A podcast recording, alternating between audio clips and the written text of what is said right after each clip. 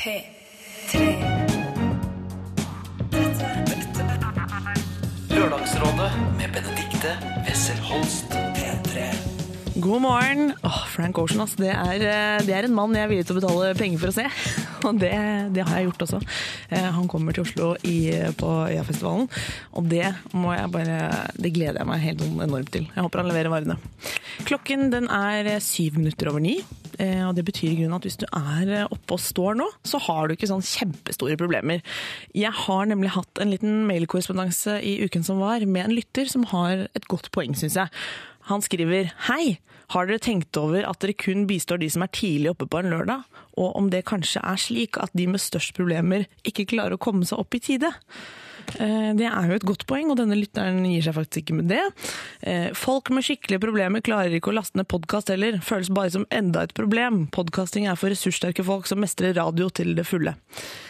Vel, det, det er mulig det er sant, men eh, jeg kan rett og slett eh, Fader, altså, der stopper det litt opp eh, for min del. Jeg må, det er de to tingene jeg har å tilby. Det er å stå opp i tide eller å podkaste. En lytter som enten er såpass ressurssterk at han kommer seg opp om morgenen, eller mestrer kunsten å laste ned denne podkasten, det er Morten på 50 år. Han er altså, som han selv påpeker, i, helt i ytterkanten av Lørdagsrådets eh, målgruppe, men det er greit. Eh, Han, er, eh, altså, han skriver til oss og forteller at han har et problem, at han er redd for å gå i gammel gris-fella. Og Han er singel, han har en del yngre venner. Han syns det er vanskeligere enn noen gang å tolke hint og signaler fra det motsatte kjønn. Og dette skal dagens lørdagsråd selvfølgelig få bryne seg på etter hvert.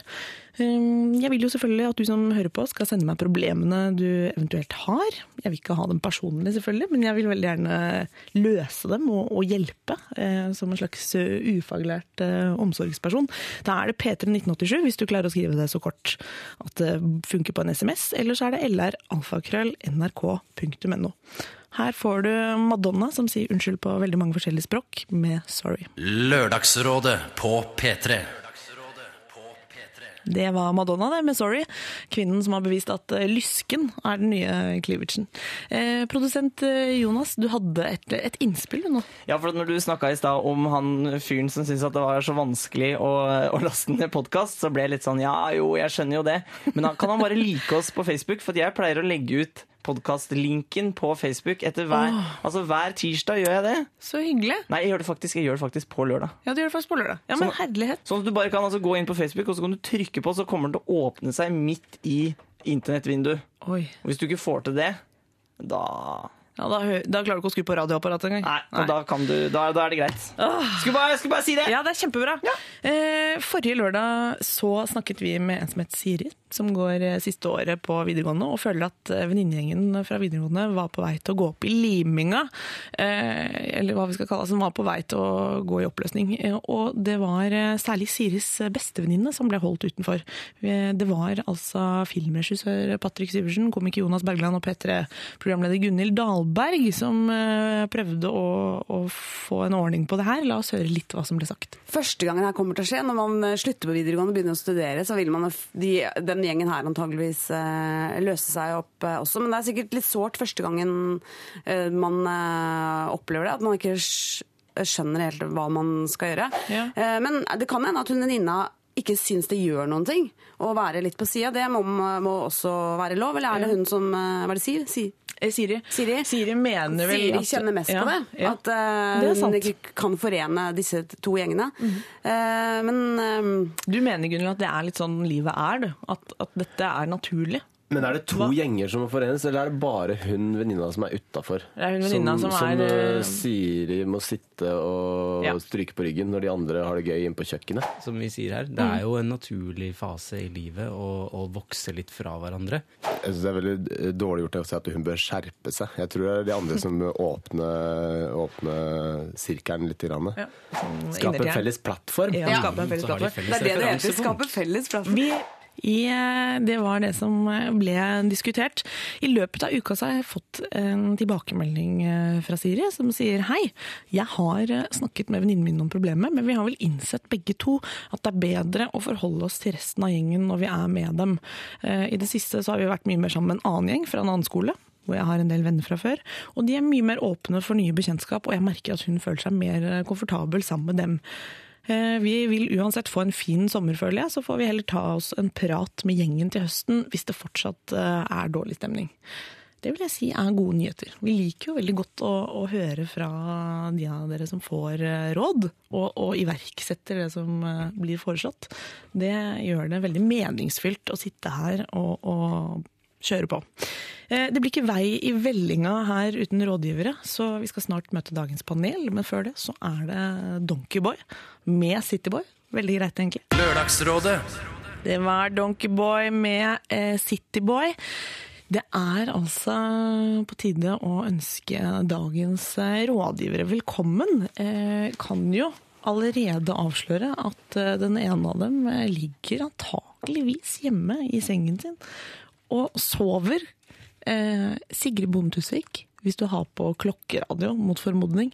Du er veldig ønsket i studio eh, her i P3 på Marienlyst. Ved siden av oss har vi en fyr som har klart å stå opp. Og det er deg, eh, Torbjørn Røe Isaksen. For en klisjé. Det er liksom her eh, selvfølgelig komikeren ligger hjemme og sover, da, men politikeren sitter i studio. Ja, og kan ikke vi få lov til å være liksom rockerne for en gangs skyld? Kunne ikke jeg få lov til å Kunne ikke jeg sovet og Bare ligget og dratt deg Ja, og gitt helt Hvorfor er det eh, alltid Ja. Det er, eh, og det er ikke nok med det, altså for deg som hører på nå. Det er ikke nok med at han er presis, men han har også på seg en veldig fin dress. Ja, det er jo lørdag. Ja. Så Kommer inn her med dress og Du har riktignok ikke slips, men det ja, jo, jeg har eh, bare ikke knyttet eh, slips ennå. Eh, Slipset er ligger altså i eh, vinduskarmen her og, og ligger klart. Man kunne jo kanskje tenke seg at dette var eh, en vanlig lørdag. At jeg sto opp, tok meg dressen, Ja. eh, tok meg avisa. En god kopp kvernet kaffe eller noe sånt. Men det er fordi at rett etter dette her så skal jeg ned og høre på eh, Ja, hun heter jo bare Lille Store. Ja. Aung San Suu Kyi. Ja, Lille store Aung Ja, San Suu Kyi. og det er nesten umulig, og hun har jo hett det i 20 år nå, så det er nesten ingen som kaller henne Aung San Suu Kyi. Det er alltid Nei, Store Lille. Nå sa jeg Lille Store. Det ble jo helt feil. Det Ble det helt feil? Nå Nei, jeg tenke st jo, nei, nå- å herlighet. Ja, store. Ja, for hun er liten av vekst. Yes. Det sier man jo alltid. Denne vevre lille kvinnen. Ja. Men så er hun så stor, sånn eh, ja, ruver som en, eh, Ja. som en kjempe, da. Um, men da blir det store si- lille. Ja, det blir det, store det blir ikke lille. store. Nei, jeg er enig. Det blir store lille Aung San Suu Kyi. I hvert fall så skal jeg høre på henne. Ja, og det er i Så Aung San. Suu Kyi, hvis du har på klokkeradioen nå og hører på Lørdagsrådet på P3, velkommen. Welcome to Norway. Åh, det blir en, eh, antageligvis en stor opplevelse for, en, eh, eh, for flere enn sånne som deg. Men du er jo vant til Det aner meg at du har vært inne i en sånn Du nevnte da du kom inn her i, i hytten og styrten at det har vært en hektisk uke. Mye sommerfester, sa du. Mm. Avslutninger. Det har det. Ja. Så, så det er jo litt sånn fint å Nå har ikke og, altså Aung San Suu Kyi har jo ingenting med det å gjøre. Det Men det er jo en litt sånn sommer altså Det er jo mange sommeravslutninger, og de aller fleste har og er det, jo liksom, det er barnehager som skal være ferdige, og skoler og sånn. Og de jeg har lagt merke til Jeg har ikke barn enda, men de jeg kjenner som har eh, barn, de forteller altså om noen sånne barnehageavslutninger som er veldig ekstravagante sammenligna med oh. da jeg gikk i barnehagen Ja. i Porsgrunn. For da Ja. følte jeg det var litt sånn siste dagen før sommeren. Her har du en lollipop, eh, og så hold kjeft. Ja. Mens nå er det sånn Nei, nå skal vi liksom spille ut eh, Pirates of the Caribbean. Det er sikkert ikke det, da, men sånn, nå er det liksom piratdag. Eh, og grilling. Og alle foreldrene er der, og så er det avslutning i barnehagen. Ja. Det er liksom litt sånn voksenavslutning, føler jeg. er sånn... Ja, bare for disse barna, Ja. da. Barna får lov å være der, men det er de voksne som på en måte har dagen. I sentrum. Ja. Alltid sympatisk. De voksne i sentrum. Nei, så, Men nå er det jo, denne uken har jo Stortinget hatt sin siste møtedag. Ja. Så Det er er det- jo lov å kommentere at dere har da jaggu en ganske lang ferie. Ja, Hvis det hadde vært så vel. Ok, for det er ikke ferie, altså. Det er jo egentlig ikke Eller man alle. kan jo det. Men jeg på mandag så er det tilbake, rett tilbake på jobb. altså. Så skal jeg jobbe neste uke og uh, uka etter der. Bortsett fra da skal jeg litt også på en konferanse i London. Ok. Det er ikke bare jobb, men Nei. så er det juli som er ferie, da. Ja. Men hva innebærer det? Du sa at det var møte, siste møtedag? Ja, Det betyr at uh, Stortinget, sånn, Stortinget har ikke noen debatter og møter og sånn lenger. Ok. Dere bare sitter og Så det er jo en sånn der, det er jo en stampede. Ja, de, mange, drar jo, mange drar jo hjem, da, så jeg også skal, eh, skal litt hjem til Porsgrunn etter hvert. Ja. Eh, Men, eh, men det er jo en sånn det er jo, altså, Hvis du snubler når da klokka ringer, holdt jeg på å si, klokka kvart på tre den siste fredagen før stor... Ja. La oss si sommerferie, da, for å være litt tabloide. Og Hvis du da er uheldig og kommer, hvis du er en representant fra Nordland, mister en penn eksempel, som du må bøye deg og plukke opp, da er det fare for livet ditt. For da er det, det er et stampede ut av salen. Oi. Over til Gardermoen for å fly hjem, da. Ja, jeg skjønner. Det er, eh, altså, eh, det er Torbjørn Røe Isaksen vi har her eh, i studio. Ved hans side så sitter det jeg forestiller meg Jeg forestiller meg nå at Sigrid Bondtusvik sitter ved siden av og er litt eh, trøtt i øya, men hun er faktisk så trøtt hun, at hun ikke har møtt opp. Eh, Så hun ligger antageligvis eh, hjemme og purker litt. Om det skal vi jammen meg få en Vi skal, vi skal så få henne til å stå opp ved hjelp av det vi kan av ringing og ja, Vi får vurdere Og hvordan vi får det til. selvfølgelig maktmidler. Vi har jo kontakter i politiet også. Ja, Det kan faktisk hende at vi benytter oss Securitas. av noe sånt. Em, send oss gjerne problemer hvis du har noen som du har lyst til at vi skal ta tak i i løpet av dagens sending. Det er P31987 som er uh, SMS-adressen, og lralfakrøll.nrk.no som er mailen. Her får du Casadores med Islands. Lørdagsrådet. Eh, Girl Like You med Edwin Collins der, det vil jeg definere som en eh, real eh, hitlåt. Det er den derre eh-eh-eh-lyden. Ja, og Hvordan synger man den? For det blir ofte allsang av den her. Og da er det sånn, for jeg, ja, du, ja, for jeg pleier sånn Det høres ut som en sånn, det er litt sånn ja, skrallete. Men eh, du også, Torbjørn Røe Isaksen, kommenterte at det var en eh, kul låt. Det er en kul låt, og så høres han veldig ut som David Bowie. Ja, det- Og så er det han har et eller annet, Nå klarer jeg det ikke, men det er et eller annet med stemmen akkurat på et punkt der hvor det er sånn Hallo, David Bowie. Ja. Men det er jo ikke David Bowie. Og det er et kompliment fra din side, antar Ja, jeg. ja, absolutt. Ja. Men det er han andre fyren som høres ut som David Bowie, som aner jeg, Så nå husker jeg ikke hva han heter engang. Men uansett. A Girl Like You var det altså. Og før det så var det norske eh, Casadores med Islands. Vi skal, gjøre, eh, vi skal rett og slett gyve løs vi, på dagens eh, første eh, eh, problem her i Lørdagsrådet. Og det starter eh, friskt, vil jeg si. Vi har Torbjørn Røe Isaksen her, og Sigrid Bonde Tusvik har vært vil jeg tro, på en eh, sommerfest, slik som du har holdt på med hele uka, Torbjørn, og er altså eh, i dyp, dyp søvn. Så mens vi venter på henne, så har vi jo heldigvis eh, studioprodusent Jonas Jeremiassen Tomter. Si hei. Heis. Hei. Det er godt å ha deg her. Og, Ja. og Jonas han er ikke noen hvem som helst. Han er jo juntafil mann. Ja, jeg har jobbet i Juntafil i snart tre år. Ja, det har nesten skadet deg lite grann. Har skadet meg litt, skal jeg si. Men han er jo eh, et oppegående og empatisk vesen som vi nå skal bruke til å løse første problem. Eh, Jeg skal eh, rett og slett lese opp hva vår innsender skriver. Hei, Lørdagsrådet. Eh, Jeg tar med dette. Det, de fine lørdagsmorgenene starter med dere. Takk for et underholdende program. Tusen takk. Eh, Jeg er nok i ytterkanten av deres målgruppe, men vil, like ha, eh, vil likevel ha et råd av dere. Jeg har nettopp passert 50 og har vært singel de siste årene. Før det har jeg stort sett hatt kjærester hele tiden, fra jeg var 20. Dette inkluderer et 15 år langt forhold som resulterte i to barn, hvor min kone døde for en del år siden. Når jeg ser tilbake, ser jeg at jeg stort sett har vært en dårlig sjekker. Jeg har oftest blitt valgt. Eh, Mitt lille problem ved siden av å være lei eh, singeltilværelsen, som også har noen hyggelige oppsider, det skal sies, er at jeg synes det er vanskeligere enn noen gang å tolke hint og signaler fra det annet kjønn. Én ting er at jeg alltid har vært dårlig på det, men nå kommer det andre faktorer inn som gjør det enda vanskeligere. Jeg vanker i miljøer med ganske mye yngre mennesker, fra 5 til 20 år yngre, og har som følge av dette mange yngre venninner. Hver gang jeg møter noen jeg får spesielt god kontakt med, merker jeg at jeg blir redd for å ødelegge et fint vennskap. Én ting er å mistolke signaler, men det vanskeligste er frykten for å oppleves som en eh, gammel gris. Som prøver seg på noen som er altfor ung for meg. Det skal sies at jeg ofte blir tatt for å være noen år yngre enn jeg er. Hva bør jeg gjøre? Med vennlig hilsen Morten. Ja. Ja. Det jeg Så han ble tatt eh, for å være 47 mens han er 50.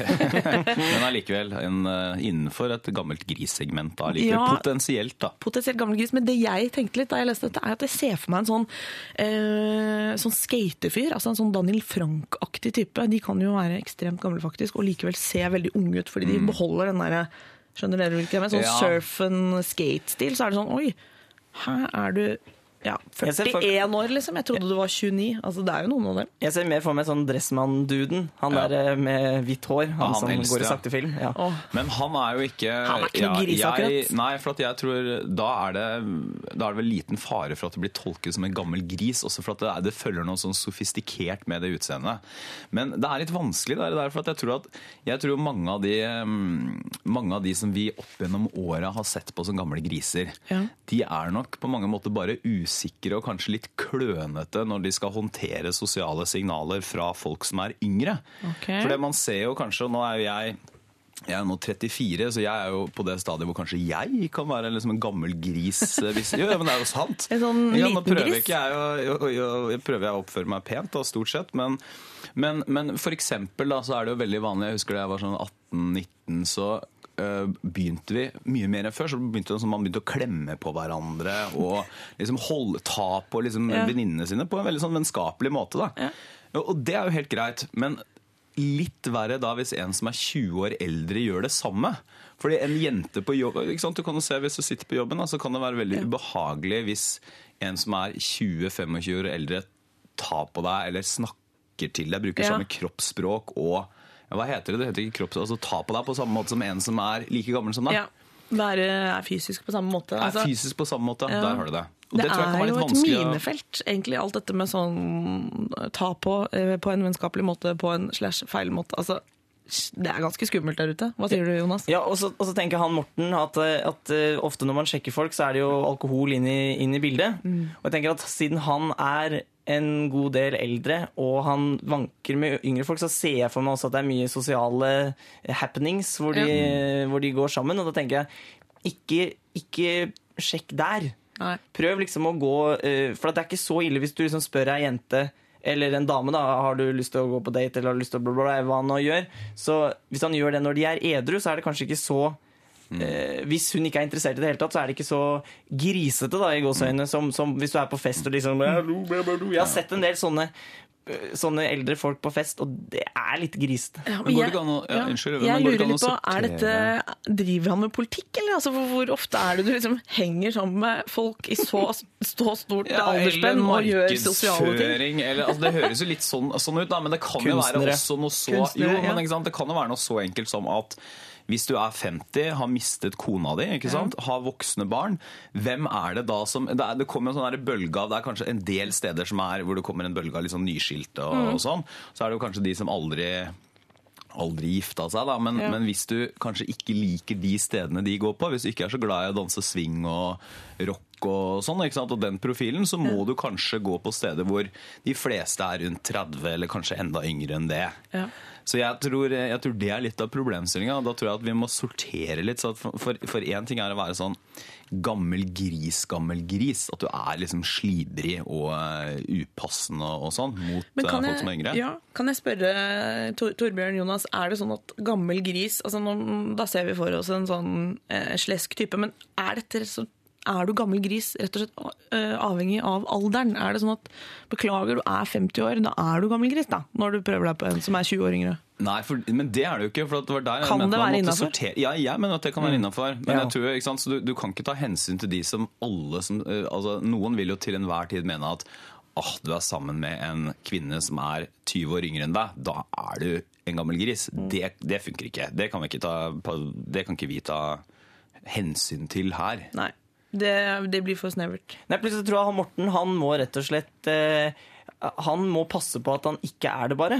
Og det tror jeg måten han kan passe på det, er hvordan han går fram. Og Han virker jo ganske bevisst allerede gjennom at han skriver som han gjør. Ja, og så, og så tror jeg at det her med at han, at han sikkert er litt dårlig til å sjekke, det stemmer sikkert.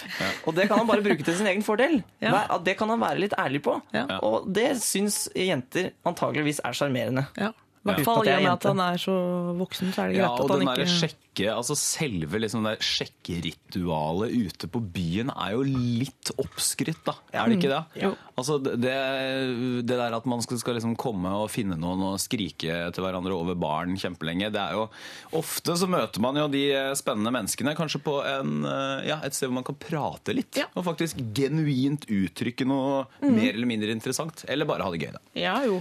Har dere noen forslag til hva Morten Kan gjøre. Eller for han sier at hver gang jeg møter noen jeg får en spesielt god kontakt med, så blir han litt redd for å ødelegge det. Altså Han blir redd for å ødelegge det han oppfatter som et hyggelig vennskap. Men han har litt tror- lyst ikke sant? Han har litt lyst til å gå videre. Ja. Jeg tror at dette ungdommelige altså Han er nok, en, han er nok ung til sinns. Ja. Eh, og jeg tror at en mann på 50 som er ung til sinns, det skal man være glad for og beholde det.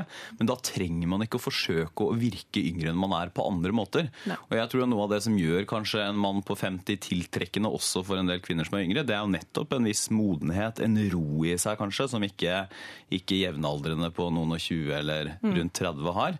Så jeg ville jo kanskje ja, brukt, kanskje vært enda mer 50. Kjøp deg en pipe og en den eh, Vi kaller det 50-tallsstilen, gjør vi ikke det? Ja. 50-tallsstilen. Men, men jeg tenker også at han, at han trenger ikke å, å gå etter Det virker jo ikke som at det er noe must for han å gå etter de som er yngre heller. Så han kan jo også Jeg tenker litt sånn sukker, eh, bla, bla, bla. Så litt sånn, prøve også, han kan prøve å finne noen på rundt 50 også. Altså, det er ikke jo noe gærent i det. Nei, det er kanskje noe med å. Ikke sant? Der er det god stemning. Det er mange unge, altså 50 år gamle damer som også føler seg unge til sinns. Absolutt. Og det er kanskje det er jo et viktig innspill her. Altså, man må jo tenke litt over uh, hva man har til felles når, når aldersforskjellen blir såpass stor. Det er klart, Nå er han 50, så vi skal, og han snakker om oppimot 20-åringer, og da er de jo 30, da. Det skal sies. De er ikke 20. Men det er jo allikevel veldig to veldig ulike faser i livet som man kanskje bør ha i bakhodet. Da er det kanskje kvinner som ikke har fått barn ennå, og han har to eh, To barn, ja. To barn eh, som er godt opp i året. Så dette er jo andre elementer som kanskje er verdt å nevne? Går det ikke an å si med et uh, uttrykk som uh, i hvert fall en del 50 år gamle menn vil kjenne seg igjen i, nemlig 'hold frem som du stevner'? For her, det høres ut som han gjør det riktig. Han, Ja. er, han er bevisst på Ja, han er det, han han er bevisst på sin egen rolle. Han uh, beskriver ikke seg selv som en gammel gris, er bare redd for å bli det. Så Ja. senk skuldrene. Dette kommer til å gå veldig Ja. bra. Og så er det mange, mange flotte kvinner der ute, både på 30, 40 og ikke minst også på 50. Helt klart. Eh, Morten, du er nok ikke noen gammel gris. I og med, en gammel gris ville aldri sagt at han ville aldri hatt frykten for å være en gammel gris. Og så må han se på Mad Men. Fordi at uh, i Mad Men der driver de gamle grisene på med Med litt av hvert. Ja, men vi vil jo ikke Vi vil jo ikke at han skal adoptere de faktene der, vil vi det? Nei, Han vet du får ikke adoptere det, men han kan bare se på det. Sånn er jeg i hvert fall ikke. Ja, det er nettopp. nettopp. Se, og, se hva du ikke skal bli. Eh, husk å sende oss eh, problemer underveis i sendingen, for nå sitter vi klare her og pumper oss opp på kaffe og litt sånn sukkerholdige bakervarer. Eh, det er P31987 som er SMS, og lralfakrøll.nrk.no. Her får du det jeg vil si er en kongelåt. Ja, han er en kokkelott. Det er eh, Childish eh, Gambino. Han er musiker, tekstforfatter, humorist. Ganske rått opplegg med låta 'Heartbeat'. Lørdagsrådet Det var 'Someone Like You' med en av verdens mest eh, Det er vel kanskje verdens mest selgende artist akkurat nå. Det er Adele, og før det så var det 'Heartbeat' av Childish eh, Gambino. Eh, For deg som akkurat har skrudd på radioen, så velkommen inn. Til deg som har fulgt oss en liten stund, så kan jeg nevne at nå har Sigrid Bondtusvik eh, våknet til liv i sengen sin etter sånn cirka 43 eh, tapte anrop fra oss her i Lørdagsrådet. Så hun er på vei i en taxibil, og vi skal fortsette med rådgivning når hun er på plass. Eh, snart så skal vi se på et problem der det er eh, Altså, hva gjør man når ekskjæresten er ute og slenger mye med leppa og sier sårende ting til deg, når dere f.eks. møtes tilfeldigvis på byen? Skal man da ta opp temaet neste gang? Si ifra at dette, dette er ikke greit? Eller skal man kjøre en sånn isdronninglinje og, og late som det ikke går inn på en? Det der er litt eh, vanskelig. Tricky. Om du vil. Fordi det, man har kanskje lyst til å, å, å ta et oppgjør, men så har man også lyst til å være en som hever seg over det meste. Eh, heldigvis så har vi snart eh, Sigrid Bonde Tusvik på plass. Eh, Torbjørn Røe Isaksen er her, i dress. Og de skal ta tak i dette problemet etter Say It Right med Nelly Furtado.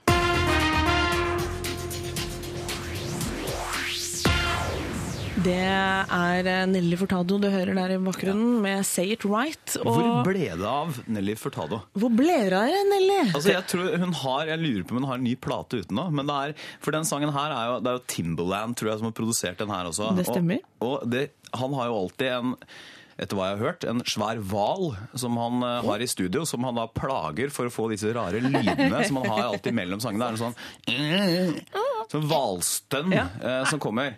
Og han, det ble jo kanskje litt sånn kjedelig Altså, Jeg var, likte Timbaland veldig godt. Ja. Han, eh, han har jo produsert en av tidenes beste hiphop-plater, nemlig Super Duper Fly.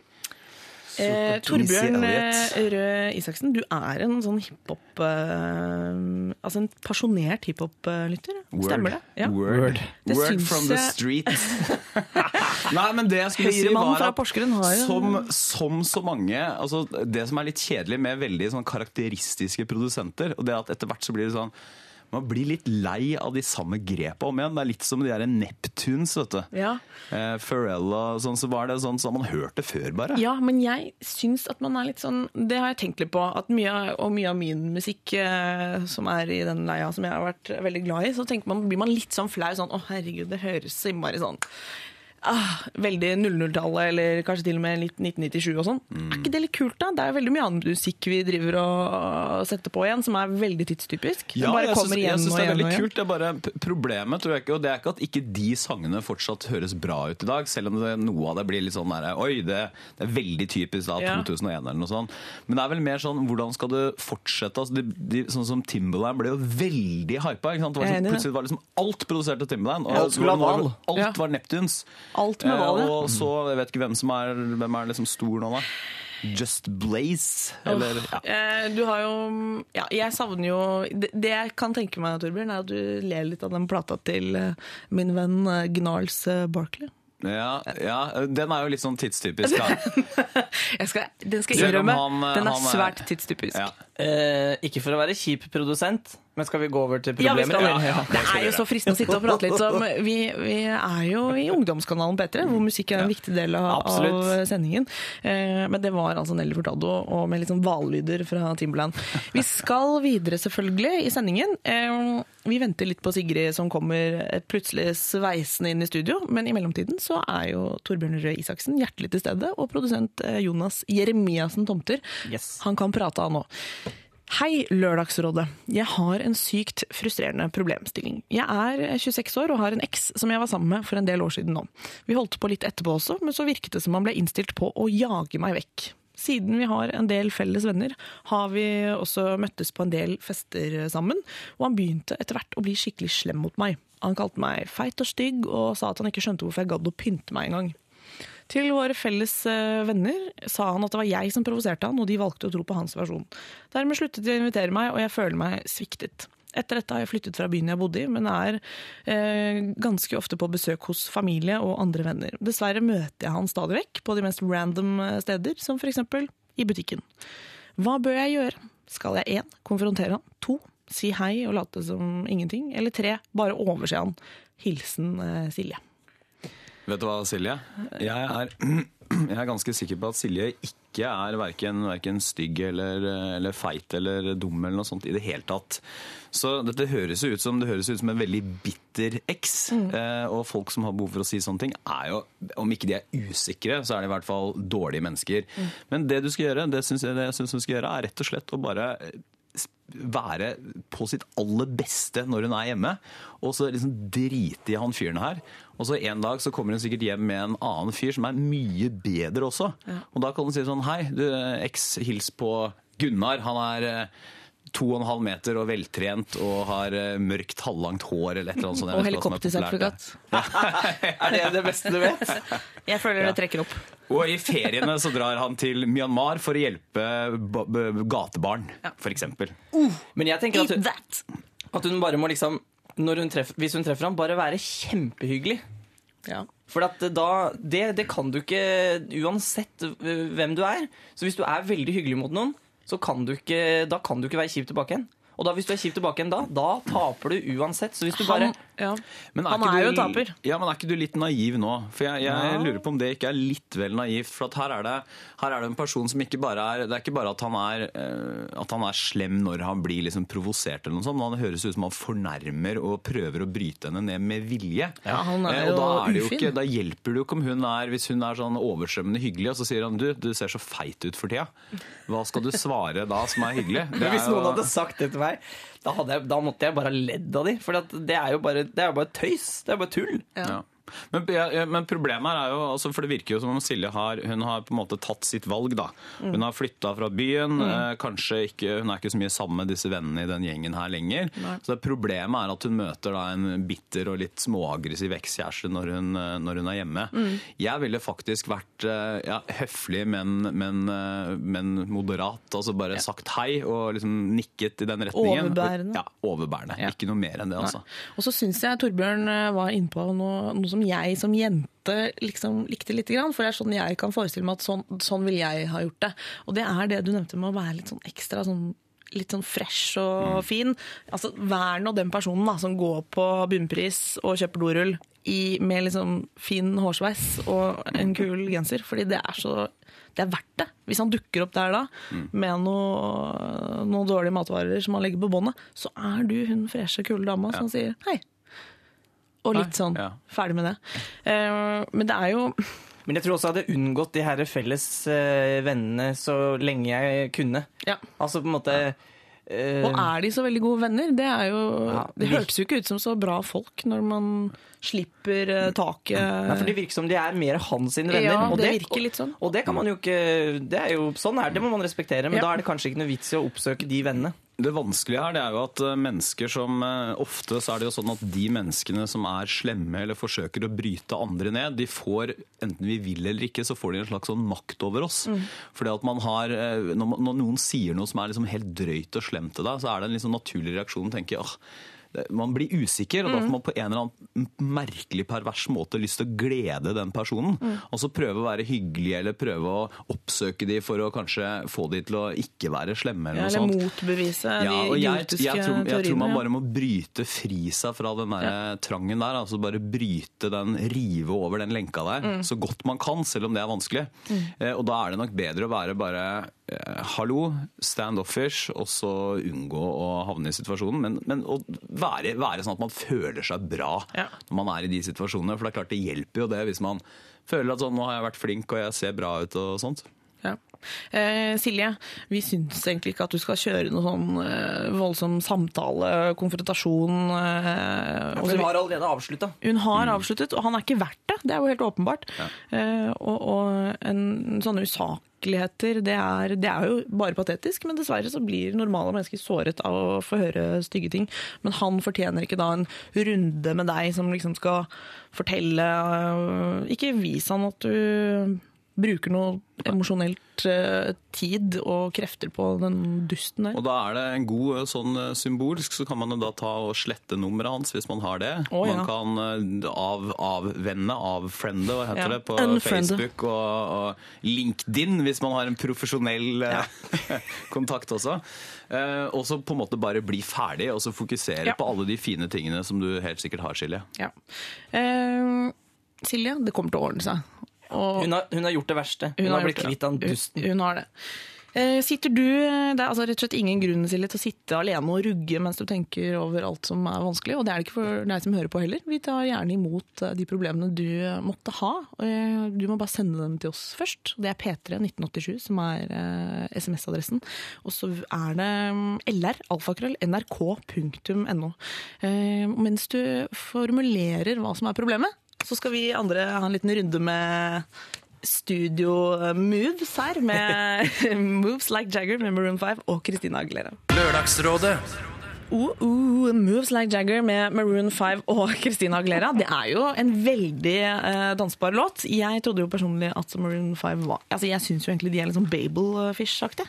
Men de er jo åpenbart mer partyorienterte enn det. Både jeg og Torbjørn eh, Røe Isaksen har jo innrømmet det her nå, underveis eh, mens musikken ble spilt. At den Ja. er fengende. Men så er det jo noe av det aller mest fengende er jo nettopp moves like Jagger. Altså det der det der som Mick Jagger har en sånn, sånn suger inn kinna, og så Ja. går man sånn trutmunn på en veldig sånn rar måte er over gulvet. At, men det er jo så kult! Ja, det er. For Mick, alt Mick Jagger og Keith Richards gjør, det er dødskult. Ja, det er og det er, det noen på 70 som er Apropos gamle griser, som vi snakket om tidligere i dag. på det, Torbjørn. Altså, De blir jo aldri gamle griser. Og de, er, de ser jo nesten like kule ut i dag som de gjorde for 40 år siden. Bare litt, sånn, litt tynnere og litt mer sånn slunkne in the face. Men de har aldri, for de har ikke fått liksom, en ølmage engang. Men det er et eller annet med tungt heroinmisbruk. Vet du. Det holder liksom kroppen sånn. det Du holder sliten, kroppen men du blir ikke altså. feit av det. Nei, det vet jeg. Du blir ikke feit. Du, jeg, produsenten her Ja. Hei, føler jeg har snakka litt for mye til å være produsent i dag. Nei, nei. Eh, ja, så Nå fikk jeg melding fra Sigrid Bonde Tusvik. Er i heisen. Oi, oi, oi. Ja. Jeg lurer på om vi kunne straffe henne når hun kommer inn med å være Ah. helt stille. Å, det Er er ikke gøy. det morsomt når hun kommer inn døra nå? Kjære lytter, stillhet på radio. Det fins ikke noe verre. Men er ikke, det sånn, er ikke det sånn første radiobud at det skal aldri være stille på radioen? Jo, jo. Det- De blir helt gale nede i teknisk eh, sentral her på NRK hvis det er tre sekunder stille. Ja, ikke sant? Da blir de gærne. For da bytter jo alle over til en annen kommersiell kanal hvor det er musikk og livatt. Ja, ja. ja. Og så pluss at man tenker at nå er det Nå, nå har det skjedd noe Ja. helt krise i studio. Men de eneste stedene som er stille på radio, det er sånn i P2. Når det er sånn en poet som leser opp noe, Ja. så leser de ofte så sakte Ja. at man tenker sånn er det noe på radio her? Ja, så plutselig kommer det sånn Skjæra. Jekk. For deg som hører på nå, så har vi Vi er godt i gang med dagens lørdagsråd. Eh, Vi har bare rett og slett eh, som, som, som, Noe som kan skje på, på ungdomskanalen P3, er jo at uh, gjestene våre forsover seg. For det er litt tidlig på'n på en lørdag å skulle møte opp uh, i studio. Uh, vi klarer det, vi som er her. Jeg som programleder har nulltoleranse på å forsove meg. Men gjestene, de er litt sånn De har vært ute på. Liker å Men leve vi kan jo gi råd allikevel. Om vi kan. Og jeg, det har jeg vi gleder meg til neste råd. Ja, det jeg er det kjempebra, er spennende. Der har vi Der. Stille, stille, stille.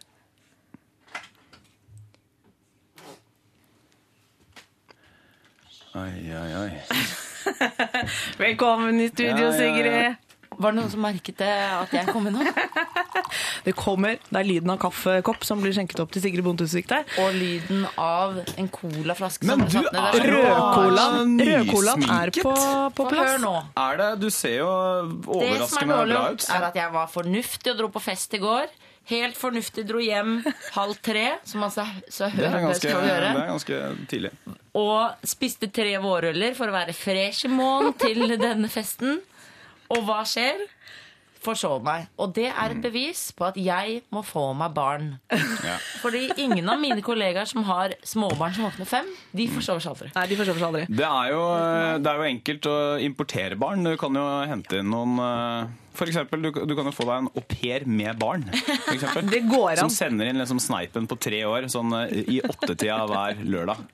Eller sekstida, da, for å vekke deg. Når man har den lille sjansen til å være på radio, så sjufser man den bort med å forsove seg. Det syns jeg er en skam. Men. Sigrid Bontusvik, det er veldig godt å ha deg her. Vi har, eh, du skal få bryne deg på en ting med en gang. Ja. Vi starter litt lett, siden du åpenbart er litt bakpå. Må få i deg noe rødcola og noe kaffe. Eh, Torbjørn er godt varmet opp, så han er helt, eh, helt pigg og klar og sitter i dressen sin og tar imot det som måtte komme. Eh, for en gangs skyld så er det ikke så veldig alvorlig problem det første vi går i gang med her. Og jeg vil ikke definere det som sånn det er en veldig irriterende betegnelse å si at noe er et ilandsproblem, men det her er mer noe som bare er hyggelig. Jeg leser. Hei, kjære gode lørdagsråd. Jeg har, kall det, et koselig problem.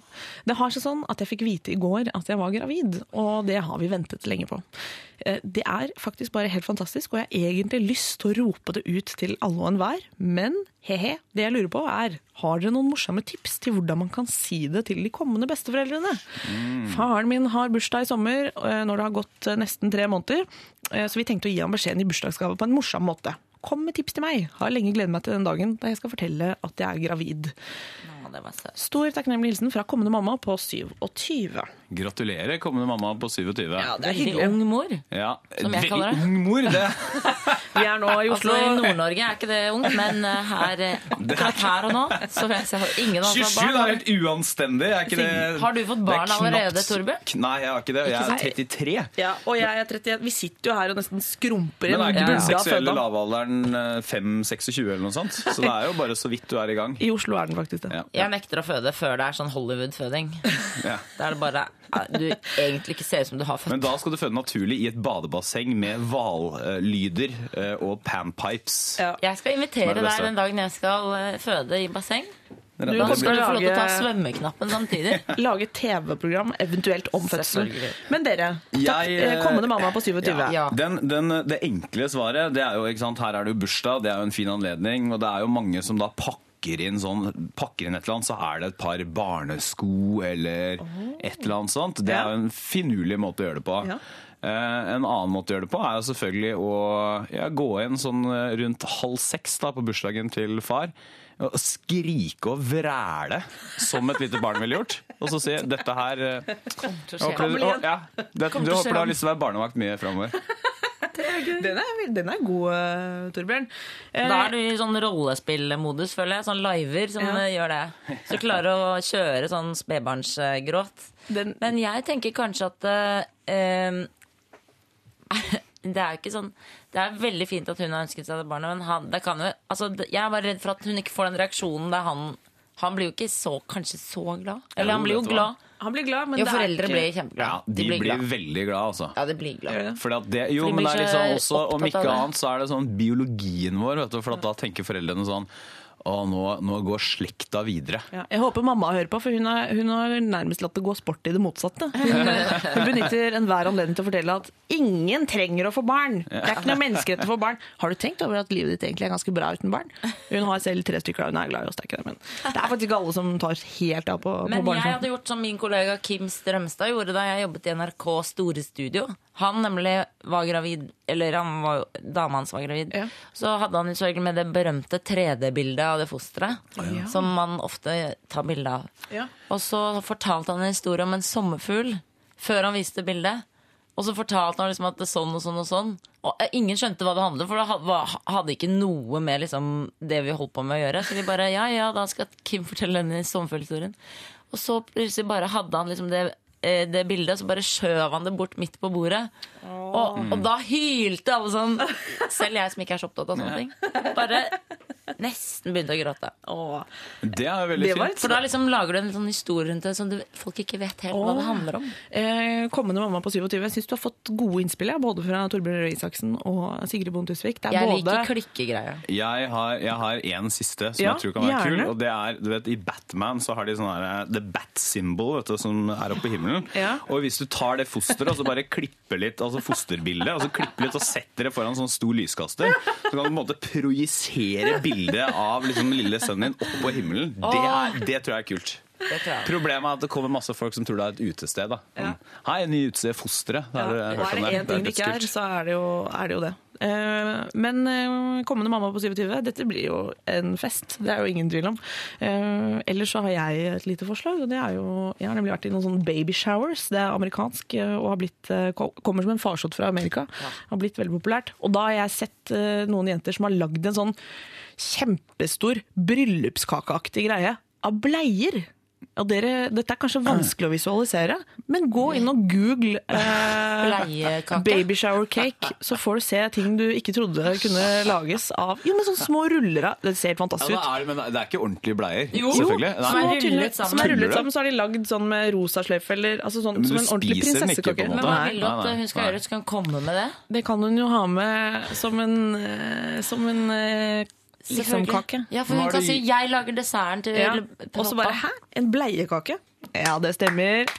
Sånn. Det er gøy. Det er mye moro man kan gjøre. Jeg har aldri tenkt på at man skal gjøre sånn moro ut av det. Man må gjøre moro ut av det meste. Man får ikke mer moro enn man lager seg sjøl, som, som man pleier å si.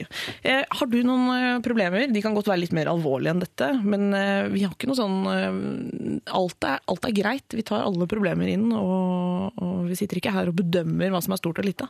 Vi vil bare ha problemene dine uansett, og det er P31987 eller lralfakrøll.nrk.no. Her får du eh, en fyr som jeg uh, syns er svært talentfull. Det er Dreamen med Rice. Lørdagsrådet. Det var Dream On med Rice. Syns det er litt vanskelig å uttale. Jeg prøver å si det sånn litt kult. Dream On. Dream On. Dream On er riktig. Med låta Rice. Vet du hva, Det kommer inn litt forslag på det vi snakket om i sted, som var eh, eh, hvordan man skal fortelle på en morsom måte at man er gravid. Og da er det eh, Gro har sendt det til oss og skriver Jeg skrev bursdagskort med teksten 'Bestemor og bestefar oktober 2011'. Herlig reaksjon når realiteten gikk opp for dem etter et par sekunder. Så er det en annen som skriver eh, når vi skulle si fra til svigermor om at hun endelig skulle bli bestemor, pakket vi inn et krus med verdens beste bestemor. Hun leste på kruset mange ganger før hun skjønte det. Hilsen postbudet Vibeke. Det er, hyggelig, det er hyggelig å høre, og det er helt åpenbart at dette er, dette er noe folk driver med. Altså gjør noe ut av å fortelle besteforeldre at de skal eh, bli besteforeldre. Fortsett med det. Jeg, synes, eh, jeg, jeg liker tanken. Vi skal snart eh, diskutere Vi skal snart ha spørsmål til rådgiverne våre, så det må du gjerne sende inn eh, på P3 1987. Det er Sigrid Bonde Tusvik og Torbjørn Røe Isaksen som sitter her og skal få et par eh, gjerne personlige spørsmål. Her får du Drøm videre Violette med Kaizers Orkestra. Lørdagsrådet. Drøm videre Violetta med Kaizers Orkestra. Det er et veldig populært uh, norsk band. Og før det så var det Rice med Dream On. Det er en uh, norsk forholdsvis populær uh, soloartist. Vi har kommet til det punktet i sendingen der rådgiverne skal svare på et spørsmål fra dere. Og Sigrid og Torbjørn, dere sitter her med litt, sånn, litt søvn i øyekroken, men, men absolutt til stede. Første SMS går til deg, Torbjørn. Det er en som sender inn her nå. Litt utenfor, but but, eh, Torbjørn, når Høyre vinner valget neste høst, for det gjør de, hvis du skulle velge ministerpost, hvilken ville du valgt? Statsminister. Det er jeg enig i, ass. Og Det er, ikke noe, det er, er det et Det er ikke noe alternativ. Nei, det er et s- live and direct from en SMS-er. Ja, ja, ja. Jeg grudde meg så mye til du skulle si samferdselsminister. Ja, nei, nei, jeg kunne hvis jeg, jeg synes, jeg, Nå sitter jeg jo sånn dette er deilig, arbeids- og sånn, sosialkomiteen. ja. Det gjør det. Så det, er jo, det syns jeg er ganske gøy. Ja. Pensjonister og masse. Jeg er rundt i hele Norge og spiser napoleonskake med pensjonistforeninger. Jeg trives med det. Ja. Ellers er jo sånn bistandsminister virker jo veldig gøy. Ja. Hvor du kan ta på deg sykkelhjelmen og sykle litt rundt i eh, afrikanske landsbyer og sånn. Det Ja. syns jeg virker fint. Mye reising. Mye reising, ja. Det er ulempen med det. da. Så jeg lurer på, kan ikke tross alt vi gir dem liksom milliarder i støtte, kan ikke de komme til oss? Er ja. vi nødt til å dra hjem til dem hele tiden? Spørsmål der, rett og slett. Det er også litt gøy at uh, det du sier nå, Torbjørn, det kan også bli brukt mot deg ved en senere anledning, for det er jo ofte veldig fokus på det her etter Hvis det blir sånn da, at det blir et regjeringsskifte, Mm. så er det jo én ting alle journalister har lyst til å vite, og det er jo akkurat det som kom inn på SMS her nå, ikke sant? Ja, og da svarer er dere selvfølgelig sånn- selvfølgelig ingen kommentar, ingen eller så- kommentar. Men, men det, Jeg man legger meg svarer flat først. allerede. Ja, det gjør flat. Men eh, det, egentlig så svarer man jo sånn Jeg vil eh, selvfølgelig hvis stille meg til disposisjon, men Ja, jeg så på dette her er som et du sånn si. hypotetisk spørsmål. da. Men det jeg lurer på er, hvis du, Sigrid, hadde blitt spurt om å sitte i regjeringa til Erna Solberg f.eks., hvilken post ville du valgt? Det ligger jo i kortene at jeg velger kulturministerposten. Er ikke det veldig kjedelig? Og hvilket, er det ikke sånn at nettopp fordi det er litt sånn dine egne, da? Jo. Eh, i den, ja, altså Standup er jo kultur, det òg. Det er liksom folkekultur. Det er gøy. Latter får sånn gullscene Ja, ja, jeg bare gir alle er sånn pengene flytter- til Elina Kranz Flytter, på flytter latter, Latter. latter ned til operaen, Ja. og operaen over til Aker Brygge. Ja.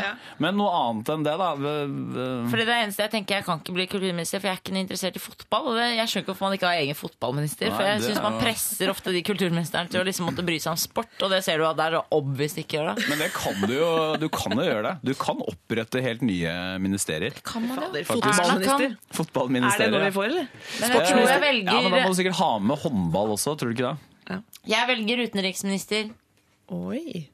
Du sikter høyt. Ja, for det er det ingen som bryr seg om, ikke sant? for du kan gjøre hva du vil. Fordi de andre ministerne og statsministeren bare lar deg dure på. Ikke sant det, Torbjørn? Du er i utlandet, vet du. Ja. Det er Du er opptatt med andre ting. Ja. Du får lov til å du tøyse rundt. Eh, Sigrid, det er kommet inn en SMS til deg òg. Eh, nå vet jo at du bli utenriksminister, men utover det så er det Lene lurer på eh, hva eh, I og med at du har forsovet deg i dag, og det er en del lyttere som har fått med seg. Nå sitter du med rødcolaen og kaffen og, Og holder deg fast i pulten her. Jeg holder meg fast i hodet. Men Sigrid, hva er det verste du har forsovet deg til? Hilsen Lene. Altså mest alvorlig. er Vi skjønner litt hvor hun vil her nå. Det er kanskje dette. Ja, ikke vet jeg. Jeg har forsovet meg en gang også til når jeg skulle være gjest i P2. Og snakke om noe alvorlig. Jeg husker ikke hva det var. Jeg, jeg aner ikke hvorfor jeg ble spurt. Men da hadde jeg skrevet en kronikk eller noe sånt. Da. Så plutselig så bare blir du Må du plutselig svare for det. Da forsov jeg meg. Da vet du hva, da løy jeg og sa at bilen hadde konka. Ja. For jeg kjørte en Ford Ka, og det er jo en sånn bil med litt sånn brei over bakken. Ja, den er jo ikke til å stole på. Litt sånn stor tungebil, føler jeg den er. Men, eh, men eh, derfor så sa jeg at den hadde konka, og det var bare løgn. For det hadde jo vært helt merkelig hvis jeg hadde klart å rekke, rekke litt, litt liksom, hvis, hvis Ja. bilen er konka. Da kommer du jo ikke. Ja. Men jeg har hørt, eh, Torbjørn, du nevnte for meg at eh, oi, har dere ikke, har dere ikke fått tak i Sigrid? Uh, Torbjørn Røe Isaksen han er jo mye stort sett på voksenradio, og der er det litt andre rutiner, er det ikke det? Jo, for at på P2 og sånn, hvis du skal noe som er litt tidlig, så Ja, sånn ringer morgen- de ja, da nyhetssending på maser de morgenen, sånn ja. i tre uker og minner Ja. deg på det hver uke og Ja. kvelden før og sånn. Og de på. ringer, i hvert fall hvis du ikke er der et kvarter før, Ja. så ringer de. Ja.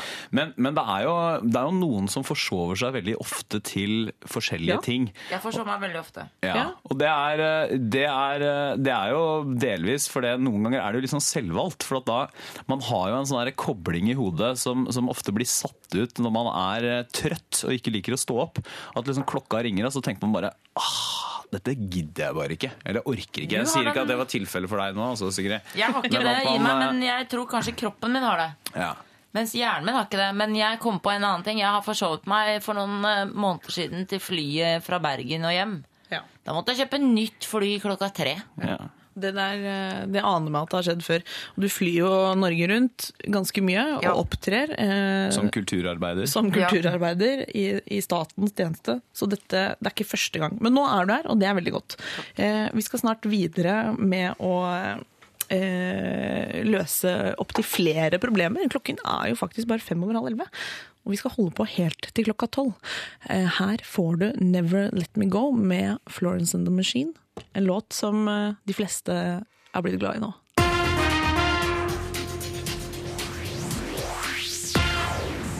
Florence and the Machine, Never Let Me Go der. Nå hører du på Lørdagsrådet. Jeg heter Bendikte Wessel Holst, og med meg i studio så sitter Torbjørn Røe Isaksen og Sigrid Bonde Tusvik. Begge har kort hår. En, eh, begge er egentlig ganske morsomme, men eh, litt ulikt virke har de nå, begge to. Vi skal eh, løse en eh, liten nøtt her. Vi har fått inn et eh, problem fra en som kaller seg Mr. Self-Destruct Mode. Han skriver at han har det veldig bra i forholdene der, men han lider av en frykt for å bli dumpet. Oi. Altså, it's complicated, for å si det med Facebook. Jeg kan lese hva han skriver. Hei, Lørdagsrådet. Eh, jeg har kanskje et litt sært problem, men her kommer det. Når sommeren er på hell, har jeg vært sammen med verdens beste jente i tre år, noe som er skikkelig uvant. Jeg var den lille tjukke på barne- og ungdomsskolen, som plutselig endret seg og fikk damer til høyre og venstre. Aldri var det noen forhold som varte mer enn tre måneder. Noen ganger min feil, andre ganger ikke. Men nå har jeg det så godt uh, at jeg forventer at det går til helvete snart, og flørter rundt for å ikke ende opp alene. What to do? Det fører jo bare til krangel som nesten gjør slutt på forholdet. Hilsen Mr. Self-Destruct Mode. Ja, veldig òg. Ja. Ja. På, jeg må bare si at eh, på vegne av eh, oss andre småtjukke eh, på barneskolen, så er det hyggelig. Det er alltid, gleder meg alltid når en bror i småfedmen gjør det bra. Det syns jeg er veldig fint. Det varmer ditt hjerte. Det varmer mitt hjerte, ja. Rett og slett. Men altså, er det sånn Dette er jo en fyr med, med åpenbart ganske stor grad av selvinnsikt. Kan Ja, for en tullete oppførsel han driver med, at han flørter med mange andre. Fordi i tillegg- Det er en veldig dårlig unnskyldning for å ville flørte. Ja, Sigrid, du tror ikke helt at han Nei, jeg tror at han Snakker sant? har liksom «Å, Ja, jeg flørter jo mye, men jeg er veldig redd for å bli dumpa av deg, skjønner du. Bare, det høres jo Men helt tror du han, han sier vel ikke dette her til da, sitat 'verdens beste jente', som han har vært sammen Ja. med i tre år? Han sier vel ikke sånn 'jeg går nå rundt og flørter fordi jeg er redd for å bli alene'? Nei, det tror jeg faktisk du har rett i, Torbjørn. Jeg tror Ja. han sier det til oss i Lørdagsrådet. Oh, ja. Og at han selv eh, bare ser at det, det, det er en atferd som fører til mye krangel. Men de krangler jo masse, masse, masse. Ja. Og da må jo han bare være ærlig og si at vet du hva, jeg er livredd for at dette skal bli slutt. Kan man ikke si det? Det er jo sånn veldig mange jenter sier hele tiden. Jeg sier det selv veldig mange ganger. Eh, Du lover ikke dumpe deg. du lover å ikke slå opp, du lover ikke Så jeg Ja, det, er, ja. Det, det, det skaper, er det blir det gode forholdet. ja. Sånn, altså, men kan man ikke si Vi må jo si det åpenbare, Ja. nemlig at eh, mistenksomhet Mm. det er en eh, sakte kvelning av ethvert sunt forhold. Ja. Eh, Og en sånn mistenksomhet som bare vokser og vokser, det Mm. kan man ikke leve med. Og det underminerer alt som er fint og godt ved å være sammen med en annen person. Ja. Men tror vi på Mr. Self-Destruct Mode når han sier at han flørter fordi han er redd for å bli dumpa? Eller kan det være liksom at, det, at det er en unnskyldning? Litt sånn som menn som slår. At liksom Jeg er jo Ja, en fyr som øvrig, slår. Nei, men hva, Unnskyld! tror, Klask. Jeg... Unnskyld. Klask. Men er det ikke, jeg, jeg syns egentlig ikke det at han flørter er det viktige her. For at det er, det er lov å flørte litt selv om man er eh, i et forhold, syns Ja. jeg. Eh, men det viktige her er jo at han kanskje er redd for at det skal bli slutt. Mm. Eh, og at det, det plager han veldig, og at han går og gnager på det. Ja. Eh, og det er jo veldig vanskelig, for at da, det gjør jo også at sannsynligvis så påvirker jo det hvor bra forholdet er, og så blir han kanskje mistenksom, sjalu, mm. litt inneslutta kanskje. Mm. Ja. Eh, noe som gjør at det er større sjanse for at forholdet blir forbi. Han innrømmer jo det selv òg. Altså, han, han er nå inne i et mønster hvor han på en måte vil han, han, han gjør jo at dette nesten tar slutt, han. Ja, det er det. Og Uten da- at han selv vil det. Er, det. er det så vanskelig å være i forhold? Er vi så irrasjonelle, altså? Jeg kan ikke tenke det. Altså, jeg tror at han må bare si til hun dama Jeg er så redd for at dette blir slutt. Jeg vil ikke at det skal bli slutt. Jeg syns vi har det kjempefint. Og jeg skal slutte å krangle med deg. Altså, parentes, ikke flørte med andre. Ja. Han må ture... Men, men skrev han at de krangla veldig mye? Ja, Han sier Ja. at eh, For hun reagerer eh, på denne flørtinga. Ja. Syns det blir mye. Ja, Mens han går egentlig ifølge seg selv eh, rundt og flørter fordi han tenker at det kommer til å bli slutt. Han har jo vært en liten litt sånn rund type. Ikke, vært, ikke hadde han draget hele barne- og ungdomsskolen, og så endret det seg. Damer til høyre og venstre. Oi. Men, er det ikke, men, men dette her er jo det, det aller vanskeligste alltid, men det mest åpenbare, det er jo sånn dette må du prate om. Men det må du jo faktisk gjøre. Ja. Altså Enten den eneste måten han eh, Mr. Self-Destruct kan komme unna den samtalen på, det er hvis han tar grep selv og så sier sånn jeg skal slutte å flørte og være liksom bare den beste kjæresten i verden. Så kanskje han kan unngå dette her. Men den tvilen han har inni seg, vil jo ikke bli borte. Nei. Den er det jo bare hun som kan gjøre noe med. Men er det sånn at uh, hvis vi går litt inn i teksten, tror vi på altså Er det egentlig litt sånn at Mr. Self-Destruct uh, kanskje har lyst til å slå opp selv? Ja, det kan hende. Jeg får en liten mistanke. Ja, Eller skal det vi ta han på ordet her med at han, dette gjør han helt mot sin vilje? Nei.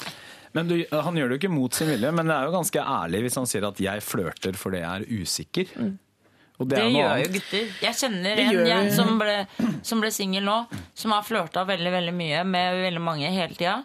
Og han er jo lei seg nå for at han er singel, men han skjønner jo liksom litt hvorfor det skjedde. Og så, så tenker jeg du, altså, Alle så det komme, liksom. Alle så det bruddet. Og det er sikkert Han ser det bruddet her nå. Han bare tenker nå blir det så sykt smell til høsten. Men er vi mennesker sånn da, at vi trenger den der eh, bekreftelsen? Altså Noen trenger kanskje mer enn andre, og, og det å få bekreftelse på at man er attraktiv, kanskje man, Men- men han er ekstra trenger- sulten på det. Ja, men noen trenger mer enn ytre bekreftelse. da, ikke sant? Altså man trenger, Noen trenger å få høre sånn det, 'Vårt forhold er tryggere enn noen gang', Mm. 'jeg elsker deg' eller 'liker deg', eller hvilket nivå man nå enn er på. da, Mens andre, Men alle trenger jo den tryggheten i et forhold. Mm. Altså Det er jo en av grunnene til at vi finner sammen med andre mennesker. Det er jo at vi kan liksom slappe av Ja. og tenke at er det, én liksom klippe jeg har i livet Ja. mitt, så er det person X. Ja.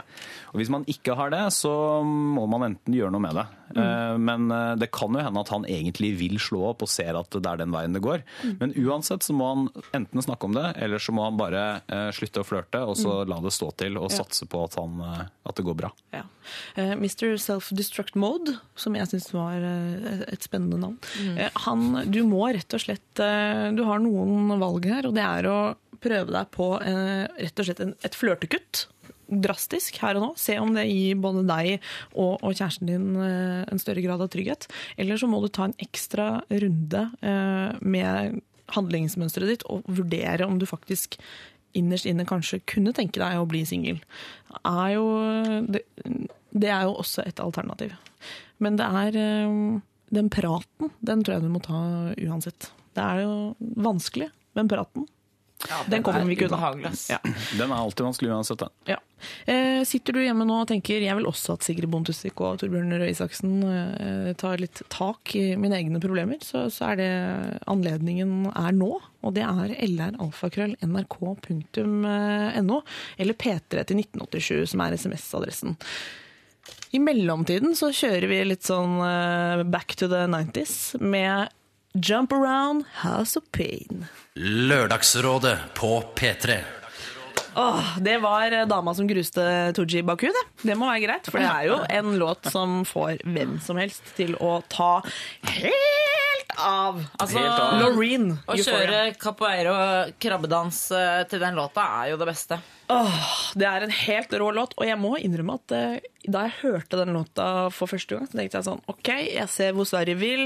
Det kommer en sånn blond eh, amazone fra Sverige nok en gang. De kjører jo Ja, veldig sånn De er helt skamløse de på kjører veldig sånn amazone. Arisk stil da, i, i, i Grand Prix generelt. Men så så jeg jo Loreen, og hun var jo en slags uh, Lykke Li-aktig figur. Altså trendy, rå, kjørte noe veldig kryptisk dans. Jeg fikk eh, et helt nytt syn på henne, og jeg elsker låta. Men dette bekrefter jo bare at svenskene er de mest trendy folka i Europa. Jeg vet, det er de, altså. De vinner, ass. Ja. Det er, ja, men det er helt fantastisk. De er. De er eh, best. Jeg syns jo danskene henger litt etter nå. Ja, men danskene er liksom ja. danskene. De er gode på sånn gammeldans og pølser. Ja, men de er veldig gode på design, men veldig dårlige ja, på sant, musikk. Mm. Det er det, men nettopp, men svenskene kan jo pop. Altså, dette har de holdt på med i 40 år. Torbjørn Røe Isaksen, fins Ja. det noen mulighet for å slå sammen hele sulamitten til et rike? Det kom en forslag om det her om dagen. Ja, Problemet er at da får vi jo sikkert svenskekongen. Oh. Eh, for de er ikke, det er jo største landet, Sverige, så det er naturlig Ja. at de får kongen. Og vil vi ha Knugen istedenfor eh, kong Harald? Vil vi ha strippeknugen? Er. Strippekugen Det er jo ikke vanskelig. Eh, tafseknugen og Han blir jo bare Han blir verre og verre. Apropos gammel gris. ja, som jeg snakket om, tidligere. Ja, ja, ja. Eh, vi skal videre, med, for her kommer det jo inn problemer en masse. Eh, eh, Sigrid Bonde-Tusvik, eh, Torbjørn Røe Isaksen. Fint om dere spisser ørene og, og tørker vekk det derre hudskrellet og blodet etterpå. Jeg eh, leser som følgende. Em, jeg har et problem som involverer tre venninner og en bachelorgrad i Frankrike. Jeg og Maren har kjent hverandre siden første klasse på barneskolen. Vi har etter mange år med lite kontakt endt opp på samme universitet. Eh, og eh, hun har forandret seg en god del siden barneskolen.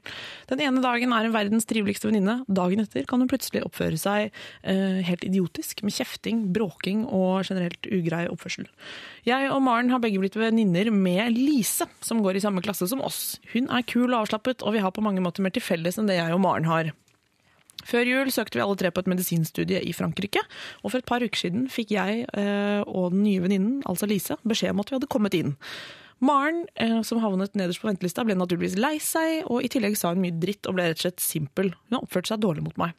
Jeg og Lise har begynt å planlegge hvor vi skal bo, og vi gleder oss til det neste året. Alt var fryd og gammen, men for et par dager siden så kom Maren inn likevel.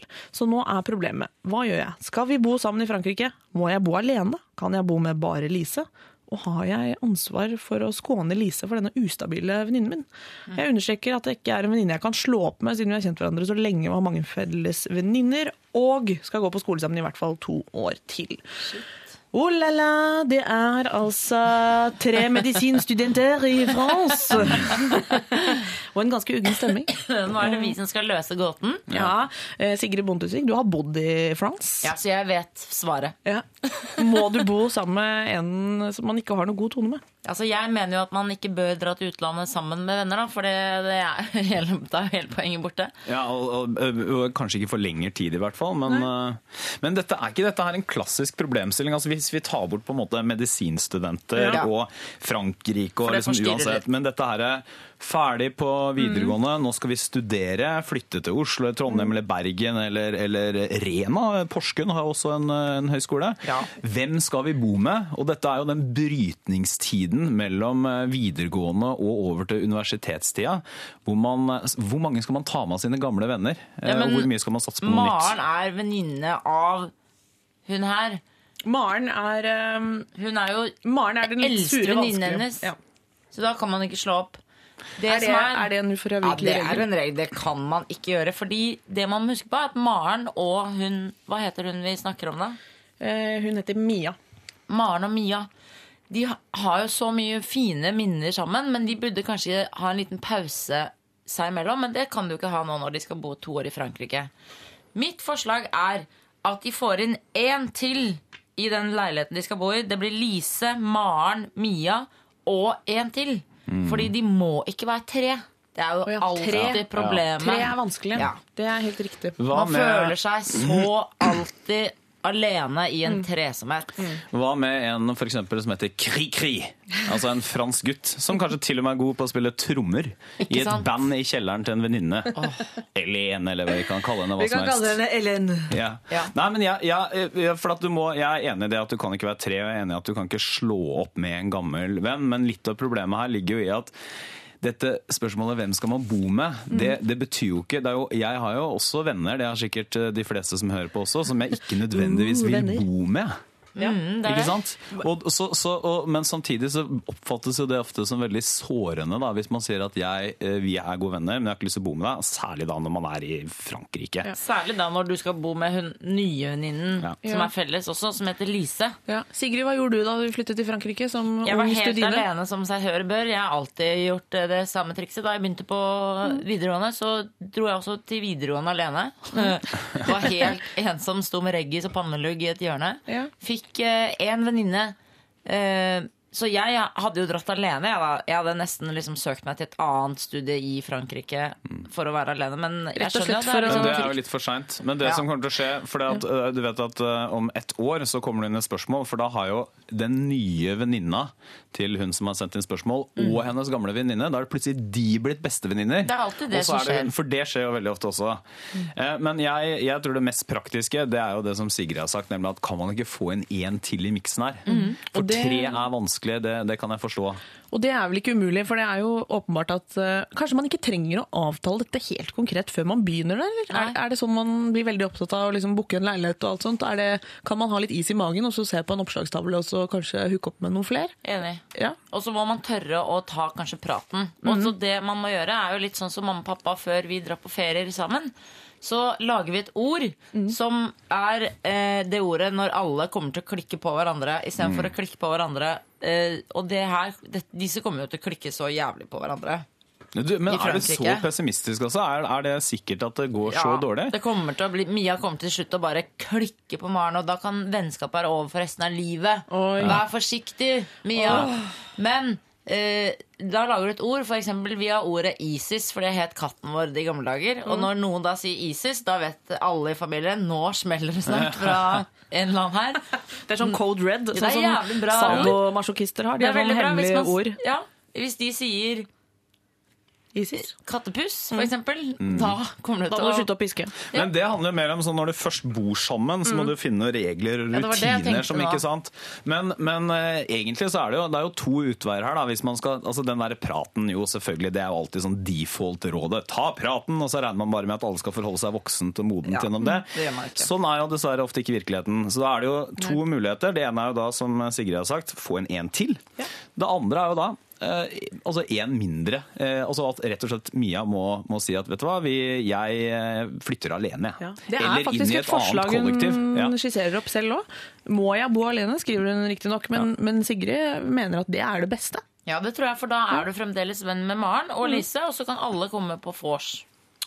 Ja, og hun kan jo flytte inn i et nytt kollektiv også, sammen med andre folk, mm. og, og ha det kult på den måten. Og det er jo litt av mor- moroa er vel at man skal liksom ut og møte noen andre enn de man har kjent kjempelenge. Ja, Ikke sant? Er ikke det litt av hovedpoenget der? Og Sigrid, har du kontakt med noen av de du studerte med i Frankrike?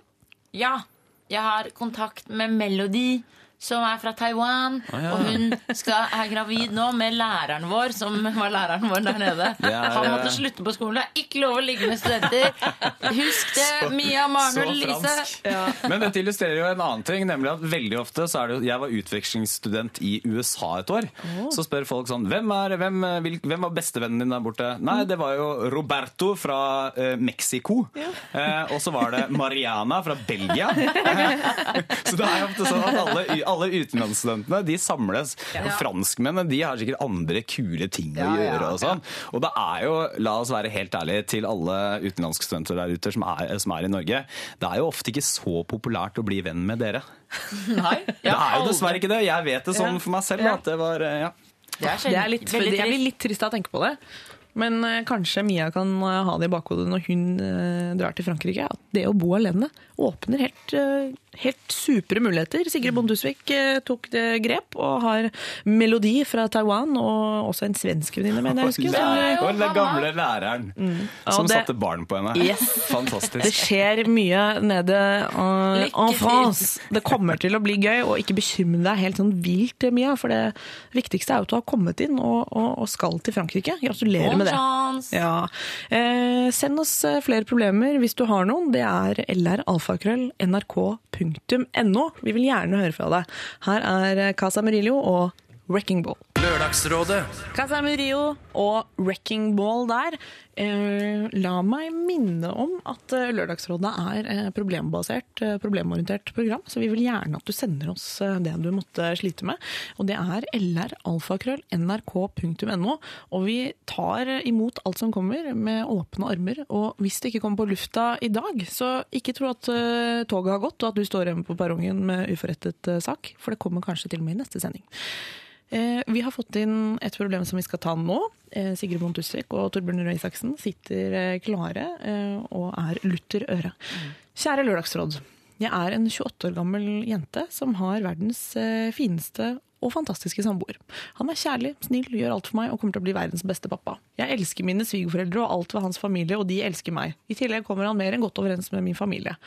Alt i alt er vi lykkelige og inne i vårt femte år som par. Så hva er problemet? Jeg har blitt forelsket i sjefen, som bor i Sverige. Og dessverre har vi også rotet sammen. Kun et kyss, ikke noe annet. Dilemmaet her er eh, ikke bare at jeg har samboer, og at, og at personen jeg er betatt av, er sjefen min, men jeg angrer på at jeg sa til sjefen min en gang på gang, eh, den kvelden vi rotet sammen, at samboeren min er prio numero uno. Eller vet dere hva? Jeg vet ikke om jeg angrer på det. Det eneste jeg vet er at jeg har en fantastisk samboer som jeg ikke vil såre. En sjef som er fantastisk deilig og null dårlig samvittighet for det jeg har gjort. I tillegg merker jeg at tankene mine er over på sjefen hele tiden. Uansett hva jeg gjør, så er det sjefen jeg tenker på. Selv om jeg koser med kjæresten. Ofte tror jeg at jeg forblir i dette samboerskapet fordi alle elsker han, og fordi jeg er redd for ikke å ha noen sikkerhet. Hva skal jeg gjøre? Hilsen Jenny. Hei caramba! Ja, ja, ja. Er det vel lov å si? Men det er eh, ikke så veldig uvanlig. Så det vil jeg si, det har jeg lært av mamma og pappa. At man forelsker seg gjennom hele livet. Har moren og faren min sagt. Ja, og det er, Og jo, man, er nok sant. og man må tåle å være betatt av andre. For det må man i hvert fall liksom, Hvis man får helt sjokk og bare slår opp med en gang og alt mulig, Ja. så er man veldig dum. For det er, jeg tror det er mange som gjør det. Bare 'herregud, jeg er forelsket i sjefen'. Jeg må slå opp. Rett ut av forholdet. Ut og, sånn, og rett inn i forhold med sjefen, som da tydeligvis er singel. da. Det det er, det står det jo ingenting om. Men det er, jeg tror, en, en vaksine mot det, det er, For jeg tror nå er jeg gift, da. Jeg er vel den eneste i studio her som er, eh, som er gift. Slutt å og- skryte. Ja.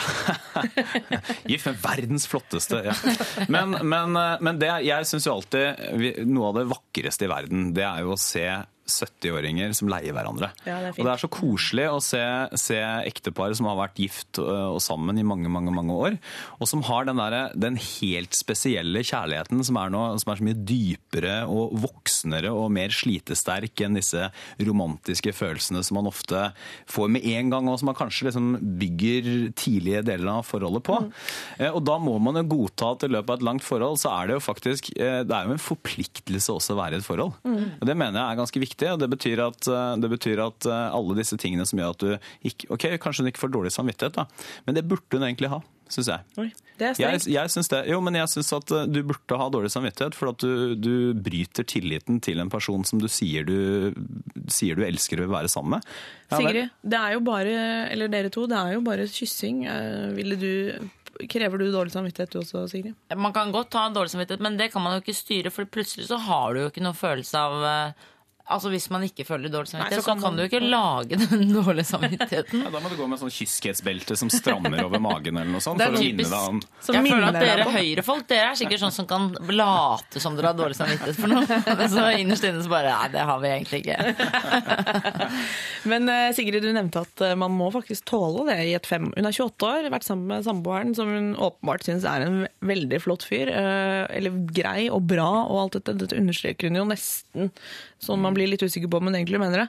De har vært sammen i fem år, og hun er da hun vil jo definere, hun definerer seg som forelsket i denne fyren. Og allikevel så mener du at det, det må man bare regne med å bli. Ja, for jeg tenker at ah, i ny og ne så blir man betatt av andre, og det, da, er det, da er det på en måte snakk om Er dette en sånn betatthet som varer, som er virkelig sånn Her må jeg eh, rett i kjelleren ta pluss- og minuslista, klassisk. Mm. Hvem er best av disse to?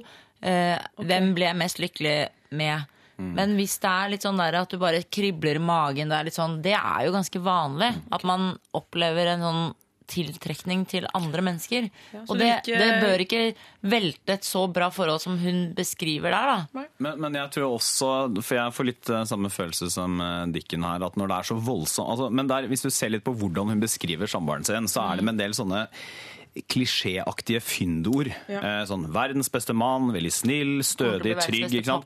Og Det betyr bare at han er en bra person, men det er Ja. mange bra personer der ute som du ikke har lyst til å være samboer med. Sant. Eh, og jeg mener at ofte så er det i sånne forholdsting så er voksne mennesker ofte veldig sutrete. Og jeg, noe av poenget er at man må stå for valgene man gjør. Altså Valg får for voksne mennesker konsekvenser. Så hvis hun da velger å forbli med samboeren sin, ja vel, da må hun ta konsekvensen av det. Hvis hun velger å fortsette med, med sjefen, da må hun ta den voksne konsekvensen av det, og det er å slå opp med samboeren sin. Og da, kan jo ikke, da, da er det jo bare hun selv som kan avgjøre om denne forelskelsen tyder på at eh, det er bare en fling, eller jeg er bare liksom sjarmert av han, eller om det er det, er det sånn, peker det på at jeg egentlig ikke er fornøyd, selv om jeg har en snill samboer. Altså Det å være snill er jo ikke så oppsiktsvekkende. De aller fleste mennesker er jo snille. Det er sant. Og man blir jo selvfølgelig drittsekken når man slår opp. Ja. Men man må huske på at man kan bli kompiser etterpå. Etter fem år. det har jeg blitt med min eks, og det er hyggelig. For det er jo noe med dette altså det å, hun får jo, eh, Jenny får jo ikke funnet ut av om eh, dette med sjefen er bare en, eh, en, en flyktig forelskelse. fordi det er klart at hun Der setter vi vel ned foten, antar jeg. At hun kan ikke både utvikle den kontakten med sjefen i Sverige mens hun fortsetter i samboerskapet. Nei. Det er jo ikke noe alternativ. Så enten så må hun hoppe i det med en ny eh, mann, og så får man se. Det kan jo faktisk mislykkes, det er jo en reell risiko. ja, selvfølgelig. Eh, Men kanskje det er verdt det hvis hun uansett bare er sammen med samboeren sin fordi foreldrene hennes liker han godt, og at han er snill. Ja, Og så skriver hun jo faktisk at hun eh, angrer for at hun sa til sjefen at eh, hun prioriterte Ja, det skriver hun. helt ja. riktig. Og det er et Det- det- godt tegn på at her er du ikke helt eh, Her er du bare lykkelig med han samboeren fordi det er så jævlig perfekt. Og det er ikke perfekt. Nei, for det du, det du må skille, det er jo om man, det som gjør deg lykkelig, er, liksom, er det bare samboersituasjonen som sådan, altså tryggheten det gir, eller er det personen? Eh, og da er det jo sånn, da, da, da, må hun jo bare bestemme seg for om er det, liker hun å være i et forhold med en eller annen. Ok, da får du gjøre det, men, men hvis det er akkurat han samboeren, ja vel, da må hun gjøre noe med annet og droppe han sjefen. Mm. Men det det ikke handler jo man litt om å være litt voksen, da, Ja. rett og slett. Og hun er jo voksen. Hun er 28. Ja, Voksenlivet men knakker er, på døren. Voksen er ikke bare en alder, det er også noe du må velge, deg, velge å bli. Og det er ikke alltid lett heller. Altså, de fleste av oss har jo litt sånn instinkter som kanskje drar oss mot liksom, å unngå konflikter og Ja, ja. prøve å liksom, balansere hensyn som ikke lar seg balansere og sånn. Men dette er reptilhjernen hennes som snakker, tror jeg. da. Fordi hvis du plutselig faller for et menneske, sånn som hun tydeligvis har falt for sjefen, så kan man ikke bestemme over urlukten i den lille dinosaurhjernen som ligger i pannebrasken.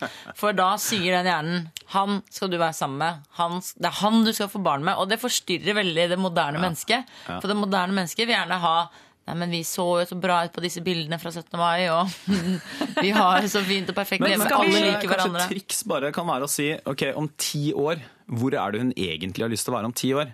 Og hvis det er sånn at hun ser for seg at jeg må være sammen med den samme samboeren som i dag, det er han jeg egentlig elsker sånn dypest sett, så må hun velge samboeren sin. Hvis hun da er veldig usikker på det, så må hun gjøre det slutt med samboeren. Hørte du det, Jenny? Det er hårda bud her i Lørdagsrådet. Eh, De fleste Sigrid mener at man eh, må regne med noen flyktige forelskelser i et langt forhold. Sånn er livet osv. Man bør ikke krisemaksimere det helt fullstendig. Eh, Torbjørn mener at du er nå et voksent menneske. Det innebærer valg. Valg får konsekvenser for ditt videre liv. Og du har en, en god runde med deg selv og som du må gjennom, faktisk. Uansett hva du gjør.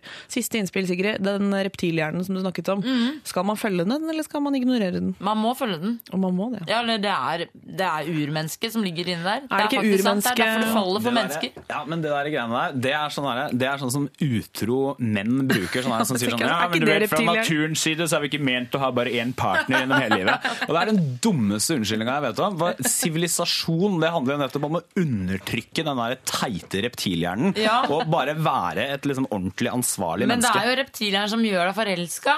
Det er jo det. det er, Jo da, plutselig men så det- sier bare hjernen sånn Koing! Men det er også den som tilsier at liksom, menn er jo, det er egentlig ikke noe grunn til at man skal gå liksom, til et toalett for å tisse. Men det gjør vi for at vi lever i et sivilisert samfunn og ikke er liksom, urmennesker med klubber. Enig.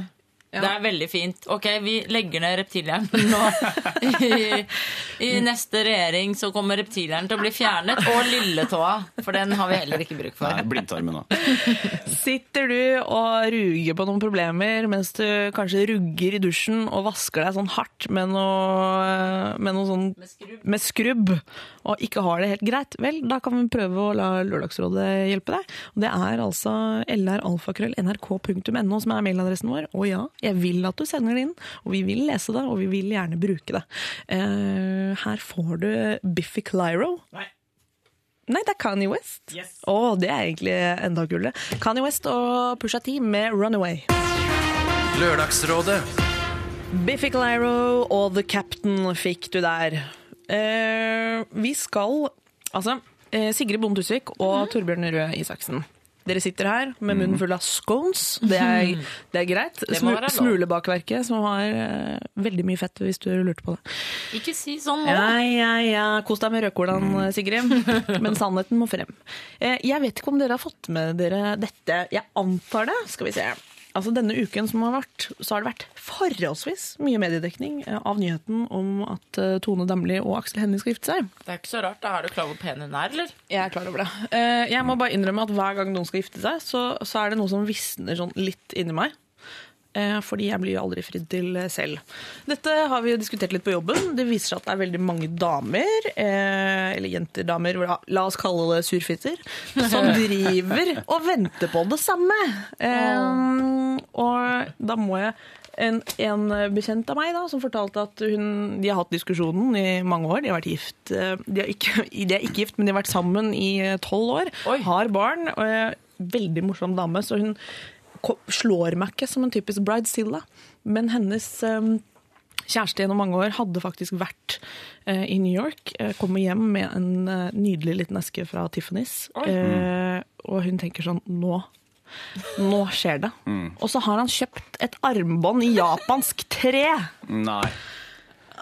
Så fantastisk gave. Og da måtte hun fortelle om det på jobben, for det, var sånn, det, det rakna for henne i den Ja, situasjonen. Og det var sånn, nå, nå må vi ta praten igjen, for liksom, vær, det er feil på så mange måter. Dette At hun liksom problemet, hopper dette problemet har jo Peggy i Mad Men nå. Hun tror at uh, hun skal bli fridd til, så spør han kan vi bli samboere. Mm. Og så sier da Joni, eller hva hun heter, hun heite rødhåra, hun Ja. sier det her er mye kulere. Det er mye bedre å bo sammen og være lykkelig enn den absolutt at du må gifte deg. Ja. Men selvfølgelig, hva, hvorfor, Men Sigrid, hvorfor hva vil vi bli gift? Det er det Ja. jeg lurer på nå. For jeg, jeg heller, jo flere bryllup jeg er i, jo mindre har jeg lyst til å gifte meg. Ja, det er også en. Torbjørn, du er jo ble jeg gift. helt satt ut. hvorfor Nå må ble jeg rasende. Nei, jeg blir Men ikke det. hva er greia? Hvorfor må vi tror? gifte oss, Torbjørn? Jeg var samboer og hadde veldig lyst til å gifte meg. Og jeg Ja, har, det sier bare for å si det, men sånn, sånn, liksom sånn for the record, da, ikke sant? Altså det, folk som har vært samboere i mange år, det er helt sikkert er like meningsfullt og fint og, og alt mulig sånn. Men for meg og for mange så tror jeg det å gifte seg jeg, jeg lurte på sånn, Hvorfor er det litt skummelt å gifte seg? Det er det mange som syns. Vi er jo samboere fra før, men hvorfor er det da skummelt? Jo, det er fordi det føles enda litt mer forpliktende. Det er liksom å si sånn, og det, og det er ikke bare at du har liksom en ring på fingeren om å begynne å snakke om kona mi istedenfor samboeren min eller kjæresten min. eller noe sånt. Det føles som man liksom går inn i noe som er bare litt dypere enn å bare bo sammen. Og det tror jeg er grunnen til at eh, folk har lyst til å gjøre det også. For det føles som en Det er en sånn eh, bekreftelse fra samfunnet rundt også på at dere har valgt hverandre på ordentlig. Ja. Men man kan jo ikke tvinge noen inn i et bryllups, eh, en bryllupsscenario. Altså, både Dikken og jeg her i studio kommer aldri til å bli fridd til. Jeg lover deg. Det er helt uaktuelt. Sigrid! Utrolig ja, menn kommer ikke til å gjøre er det. dette, Det her en, dette, dette høres ut som en sånn eh, Dette høres ut som litt kokettering. Nei, Nei, er, ja, for, ok, Er dere sikre på det? For det er som man sier, og så blir det sånn enda mer stas som toer. da. Han trodde aldri han skulle fri, men i dag kom han med en uh, ring, og så ble det fri. På generell basis vil jeg si at det her er en ting som, som mannen i forholdet har sånn ansvar for å fikse, på linje med eh, betale get-regninger, eh, ta grep eh, om eh, bolig, eventuelt rense takrennen. Og det er Ja. klart med det å fri, selv om vi- visstnok eh, sier folk at de har lyst til det, som de bare ikke får til. Men da- Hvorfor er det så vanskelig, hvis Da det er et ønske? Men da syns jeg at man skal Da må man på en måte Kan man ikke skrelle vekk litt av de her voldsomme sånne romantiske Ja, ja. mytene om at det skal være så utrolig sånn pompøst frieri og sånn? Kan man ikke bare Og man trenger jo ikke å ha 300 gjester heller. Enig, kan man ikke bare enig, da bli enig. med en sånn, vet du hva, jeg har lyst til å tilbringe resten av livet med deg? Det, jeg syns det hadde vært fint når jeg er ute og for andre og sånn, å kunne presentere deg som min kone. Og vi kan gifte oss, oss to, sammen med kanskje noen vitner, da. Eh, og så gjør vi ikke noe mer ut av det. Det er jeg enig i. Det syns jeg ofte er en veldig fin eh, løsning. Det er en men- fin løsning. Du behøver ikke å være i Paris. Jeg var for øvrig i Paris eh, i fjor. Det skjedde ingenting. Eh, Tone, du behøver ikke å være Jeg fridde i Paris, faktisk. Det er helt drøyt. Men det er Jeg så orker klisjé. ikke. Ja, nei, ikke sant? Det blir alt mye. Men, Det ser ut som eh, men det Jonas var, har lyst til å eh, si noe. Ja, for Dikken og Sigrid, jeg bor jo med en, en jente som er eh, Hvor gammel hun er? 23, 22, 23? Ja. Og hun fridde til kjæresten sin. Oi, hun tok grep, ja. Hun tok grep, og hun ja. Sånn at eh, Det kan ikke jeg gjøre. Nei, du klar det går an å gjøre det altså. Er du klar over hvor mye jeg bestemmer i, i hjemme? Sånn av sure ting. Det Ja. Det er akkurat Jævlig det. dårlig gjort hvis du bestemmer det òg. Men for du, dere ser på det som en slags sånn fornærme... Eller det er, liksom, det er noe dritt å bli fridd til for en mann, tenker dere da? Nei, jeg bare tenker at det, det er litt samme som Sigrid. vask. Jeg, jeg kan ikke ta grep om de greiene der. Det, det må komme Det er avtalt eh, spill. Det må komme fra han. Kommer det ikke derfra, blir det ikke noe. Jeg har en annen ting jeg har lyst til å dele. Det irriterer er meg litt at det er sånn, Aksel Hennie og Tone Damli Aaberge er jo kanskje det supereste sånn superparet. Eh, altså sjelden i norsk Brangelina. Nettopp. Og det Mm. var det jeg skulle inn på. Brangelina. Så de fikk veldig raskt en sånn Hvorfor kan Det er jo Aksel Hennie og Tone Damli Aaberge. Det tar veldig lang tid å si. Kan man ikke finne en sånn forkortelse for det som er praktisk? Jo. Tone Jeg skal gjøre det nå Jeg under en låt. det, jeg. jeg. Det, kan, det hadde vært fint faktisk å få Ja. innspill. Det, det er fint å få også. innspill på det. Og når det, når det er sagt, så vil jeg bare si eh, på vegne av de kule damene faktisk, som, som frir til kjæresten sin, det har jeg full respekt for. Det er bare min egen personlighet eh, som ikke eh, har Det blir for mye sjefing hvis jeg eh, går ned på kne eller noe lignende og, og tar grep. Det, det, det kler meg ikke, rett og slett. Men det er, det er den eneste grunnen, for jeg syns faktisk egentlig det er litt liksom når jeg tenker over det. Litt lamet, hele det frierigreiene. Nok om det! Mitt forslag er Akne Danli Tobe- Toberg. Mens vi lurer litt på hva, hva vi skal kalle det nye Brangelina-paret, så hører vi på Call Me Maybe med Carly Rae Jepsen. Lørdagsrådet Call Me Maybe med Carly Rae Jepsen der. Eh, vi skal over på boligmarkedet, folkens. Og ja, der er det dyrt og vanskelig, det vet vi. Det er det. Kjære Lørdagsrådet, jeg trenger deres hjelp til å finne ut hvor jeg skal flytte til høsten. Jeg har fått to tilbud, ett fra Studentsamskipnaden og ett fra to kollegaer. Studentsamskipnaden, kolon. Hybelen er på 11 kvadratmeter. Fint hvis eh, Sigrid Bonde Tusvik og Torbjørn Røe Isaksen eh, kan notere mm. antall kvadratmeter osv. Elleve 11 kvadratmeter i første etasje, og jeg vil dele bad og kjøkken med fire andre gutter og jenter. Jeg vil da bo omtrent midt i byen, i en stor studentby, i gangavstand til skole og ganske nært jobb. Jeg har bil og boutgifter pluss eh, parkeringsutgifter blir samlet 5000 per måned. Ok? Alternativ 1, altså. Tilbudet fra kollegaer. Ganske stor loftleilighet i femte etasje uten heis. Deler bad med bare de to, en gutt og en jente. Leiligheten ligger et stykke utenfor byen. Eh, Jeg må altså ta to busser for å komme meg til skolen derfra. Parkeringen er derimot gratis, og mine månedlige boutgifter vil bli ca. 3500. Det negative er kanskje at jeg vil tilbringe mye tid med kollegaene mine, og kanskje minske sjansen for å møte nye mennesker og få nye impulser. Skal jeg være den fornuftige jenta jeg alltid har vært, og stole på den økonomitenkende magefølelsen eh, og velge det billigste alternativet? Eller skal jeg gå for studentsamskipnadhybelen, som er midt i byen, der jeg kanskje vil møte mange nye mennesker og oppleve spennende ting, til tross for at det er litt dyrere. Hilsen lørdagsklem fra 20, eh, Studine på 20 år. Ja, og det, dette, dette er lett å knytte til noe vi har snakket om tidligere i dag, Ja. nemlig skjebnen for, eh, for utenlandske studenter. For at Ja. hvis du har lyst til å bli kjent med eh, folk fra hele verden, så skal du bo på studenthybelen. For det er jo nesten sånn at de, vet jeg ikke, men det er jo de alle har inntrykk av av og til at 90% av de som bor på studenthybler, de er utenlandske studenter. Og da er det, det er sikkert litt sånn spennende sånn Oi, nå har eh, Vann 10 lagd eh, taco, da. Eller vårrull ville kanskje vært mer naturlig. Så det er en sånn flerkulturell atmosfære. Det er det, ja. Eh, men, men, men jeg synes jo det, personlig så syns jeg det høres mer attraktivt ut å bo i en litt stor leilighet, selv om det er litt unna byen. Nei, jeg er helt uh, uenig. Mm. Jeg mener at hun skal velge studentsamskipnaden. Fordi jeg tenker, hvorfor skal du bo to busser unna skolen din når du kan bo midt i byen? Mm. Og, det er det er litt rimeligere, Ja, det er rimeligere. Men den taxiregningen du får når du skal hjem fra byen, den kommer til å gå vinninga opp i spinninga. For det der, der det er, ikke, det er for langt unna, det er jeg helt sikker på. Og da eh, er du full, så tar du taxi hjem hver fredag og lørdag. Ja.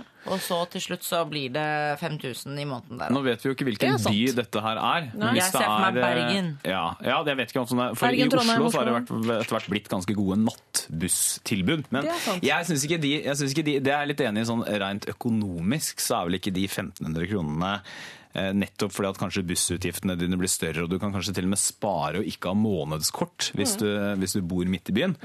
Men, eh, men Hun har jo eh, faktisk bil, da. Det tenker jeg er litt råflott. ja, ja, det er litt Den må hun råflott. selge. 20 år og bil, da er hun fra, da er hun fra en liten by. Dere Ja. i Porsgrunn hadde bil, ikke sant? Vi eh, hadde ikke egen bil, men vi lånte bilen til mora og faren vår. Kjørte mye Eh, og så kjørte vi den. Jeg hadde til og med sånn, jeg har veldig eh, ordentlige foreldre, så jeg hadde en sånn liten bensinbok. Hvor jeg måtte føre opp hvor mange kilometer jeg hadde kjørt.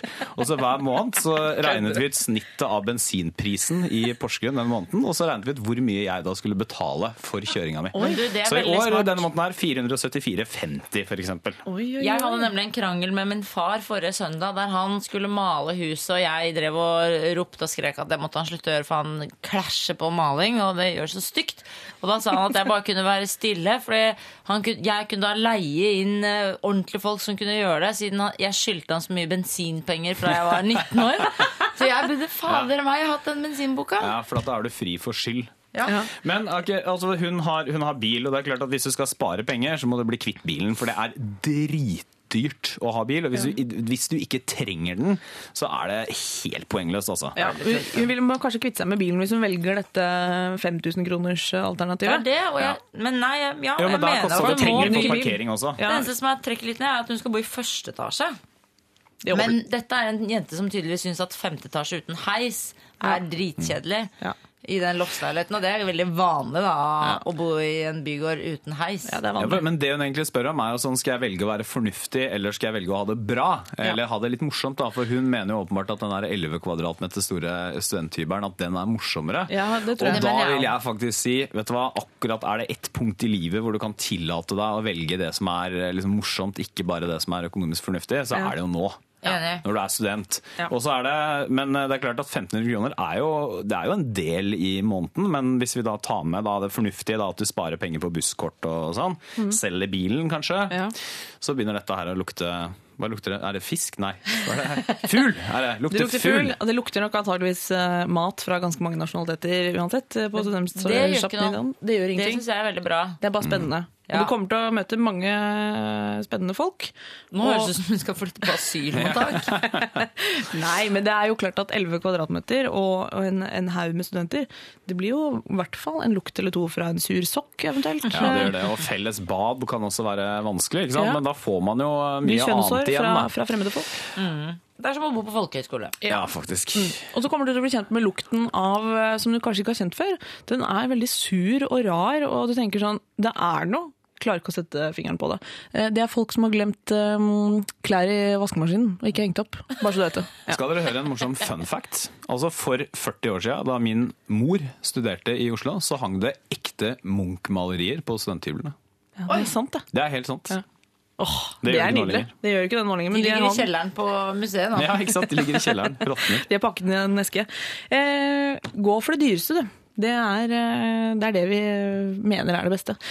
Studentsjampniden er stedet for deg å være. Eh, Det er ikke rå luksus, men eh, du har, rå, du har eh, lov til å unne deg det, de 11 kvadratmeterne i første etasje. Du har lov til å tape 1500 kroner på en leilighet som åpenbart er dårligere. Ja, gjør det.